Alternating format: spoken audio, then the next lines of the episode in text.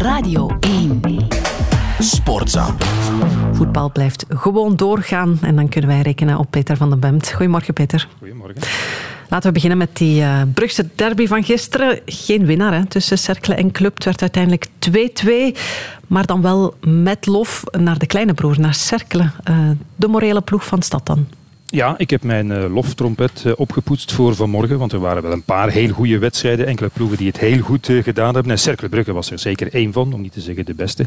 En ook Club Brugge was ronduit waardeloos. Maar alle verdiensten voor de prestatie van Cercle Brugge. Ik kan me eigenlijk geen enkele derby herinneren waarin Club Brugge zo machteloos was en haast voortdurend onder de voet werd gelopen. En er wordt wel eens smalend gedaan over dat voetbal van Cercle. dat was vorig jaar ook al zo onder het talhammer. Wordt dan samengevat in lopen, druk zetten, duels. En de bal snel vooruit te spelen. Maar goed, er zijn verschillende manieren om te voetballen. En dat is er één van. En gisteren was dat toch gewoon ronduit spectaculair. Wat een intensiteit, een overgave. Uh, Club Brugge bij het nekvel gegrepen. Niet meer gelost. Geweldig collectief. En met de man van het voetbalweekend, eh, Thibaut Somers, als formidabele uitblinker. Als Simon Mignolet niet als een gouden schoen had staan kiepen, dan had Cercle met een straffe score oververdiend gewonnen. Maar goed, ook met die 2-2 stond ze achteraf bij Cercle Brugge terecht te blinken. En dus een uitstekende subtopper Cercle Brugge.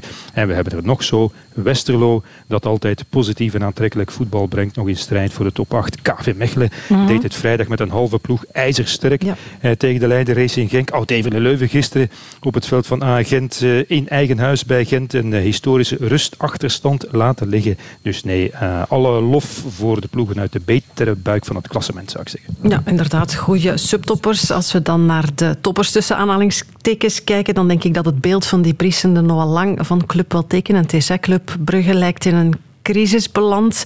De positie van de coach, daar wordt dan altijd uh, over nagedacht en soms ook openlijk gespeculeerd. Zijn er eigenlijk al vragen bij de positie van Scott Parker?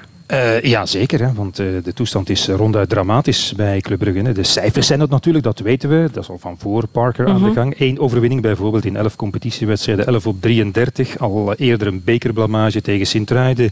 Een zekere Champions League exit over twee weken in Lissabon. En nog veel erger, een bedroevend niveau van de kampioen. Uh, wanneer zou Club Brugge nog zo over het veld en door de competitie gezwalpt zijn als de voorbije weken en maanden? En wat Parker zelf zei, we hebben stappen achteruit gezet want in een paar van die vorige wedstrijden, zoals tegen Anderlecht of Charleroi bijvoorbeeld, had Club Brugge gewoon moeten winnen. Was er pech mee gemoeid. Er leek ook stilaan wat eh, beterschap in het spel te sluipen van Club Brugge. Maar wat blijft daar nu nog van over? Uh, Scott Parker wisselt zijn helftal uh, helemaal suf. Na zes weken weet amper nog een speler waar hij aan toe is. Van wedstrijdmanagement valt weinig te bespeuren. En zoals hij zich presenteert, ja, is dat ook niet iemand naar wie een twijfelende speler kijkt en zegt, ja, die gaat het wel voor mij hmm. oplossen. En dat stralen de spelers ook uit. Te veel zijn uit vorm, missen vertrouwen op wat je zei, Noah Lang nadan. Maar die distancieert zich dan weer zeer graag openlijk van zijn dolende ploegmaat. Dat is ook niet geweldig voor de sfeer, denk ik. En kijk, ik denk Scott Parker is een keurige man. Echt wel een goede trainer. Dat heeft hij al bewezen in Engeland. Wanneer hij zijn ideeën er kan inslijpen tijdens een lange voorbereiding. Maar was hij de juiste keuze om een ploeg in crisis snel houvast te geven, snel te reanimeren?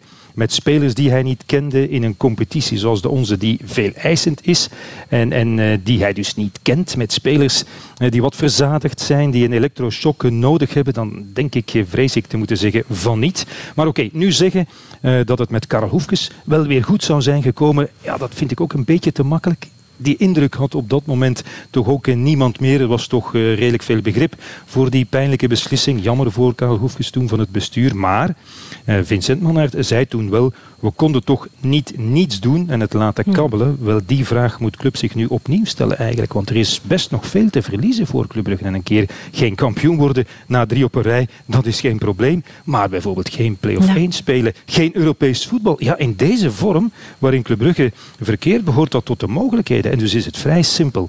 Als er intern uh, genoeg signalen zijn dat uh, Scott Parker, ondanks alles wat wij zien, dan op het veld op de goede weg is, dat de kentering nabij is, dan moet dat misschien ook maar een keer van bovenaf duidelijk uh, in, in de media of in het openbaar gesteld worden. Want nu zijn we in een voor een trainer zeer, zeer vervelende, ondankbare situatie mm beland. Wat je zei, dat er gespeculeerd wordt over zijn toestand. En anders, als dat niet zo is, dan dringt de vraag zich toch op. Moet er weer ingegrepen worden? Ja, want het is inderdaad maar 9 op 24 onder Scott Parker voor Club. voor Union heel andere situatie, maar het is wel gebeurd. En na vijf maanden verloren met uh, 2-4 tegen Standaard. Uh, dan kunnen we denk ik wel van een straffe stunt spreken van de Roesjes. Ja, ik uh, haal mijn loftrompet weer boven voor Standaard en Ronnie Deila. Geweldige prestatie op het veld van die, wat je zei, ijzersterke, niet te kloppen ploeg van Union. Sinds half september al 17 wedstrijden ongeslagen. Nog een paar Belgische tegenstanders die dat geprobeerd hadden. En misschien is wat Ronnie Deila dit seizoen doet met de Roesjes wel het strafste van alle trainers. En er zijn er toch wel een paar die heel goed bezig zijn. Een club zonder geld die geen transfers kan doen, die met Raskin en Amala zijn beste spelers al heel vroeg uit de kern heeft gezet, ze nu met de winterstop ook heeft verkocht, niet vervangen, eh, toch nog volop strijd leveren voor de top 4. Ja, dat is gewoon ronduit sterk gedaan. En op Union had Deila zelfs geen fitte eh, spits, sorry, dat lost hij dan weer prima op. Met, met Melegoni had een perfect wedstrijdplan. Zijn ploeg was messcherp, want ik moet je zeggen, om Union af te troeven op het middenveld, ja, dan moet je van heel goede huizen zijn, een uitstekende mentaliteit hebben. En oké, Iedereen weet het, eh, standaard is groot tegen de grote en klein tegen de kleintjes. 1 op 6 tegen Serra bijvoorbeeld, dan krijg je nog een punthoofd van de ploeg. Ja, is, is kwetsbaar, onvoorspelbaar. Wat Deila ook nog eens zeer bescheiden na afloop zei, als we zelf het spel moeten maken tegen kleinere tegenstanders, meer georganiseerd, dan hebben we het moeilijk. 36% balbezit bijvoorbeeld maar op Union, dat bevalt hem beter. Maar wat zeker is, Deila, en daaraan herken je, een goede trainer maakt spelers beter. Kijk maar naar Balikwisha, Alzate, Dunum. En zo heeft hij, en nog een keer zeggen, in zeer ondankbare omstandigheden van Standaard weer een ploeg gemaakt die meetelt aan de top van ons voetbal. En dat is goed en voor Standaard en voor ons voetbal. Absoluut. Dankjewel, Peter van den Bent. Sportza. Sportza.